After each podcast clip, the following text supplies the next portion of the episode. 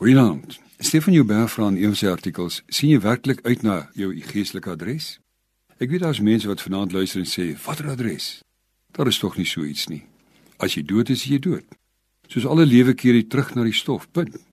Want dan jy nog nie 'n aangrypende verhaal gehoor wat 2000 jaar gelede op 'n koppie, die hoofskedelkoppie buite Jerusalem gebeur het nie. Of miskien het jy nie gehoor nie, maar dit ook as vals of fake nuus afgeskryf.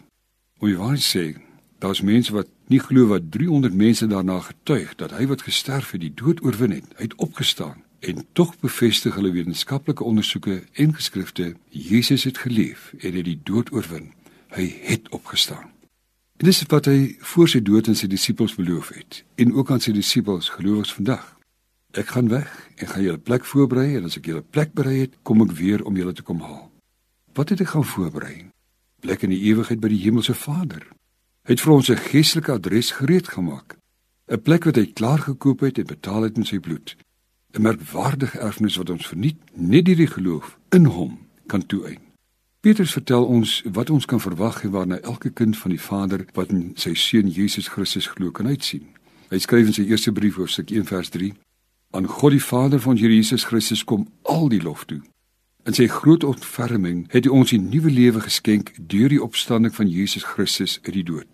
Nou het ons 'n lewende hoop op 'n onverganklike, onbesmette, onverwelklike erfenis wat in die hemel ook vir julle in bewaring gehou word.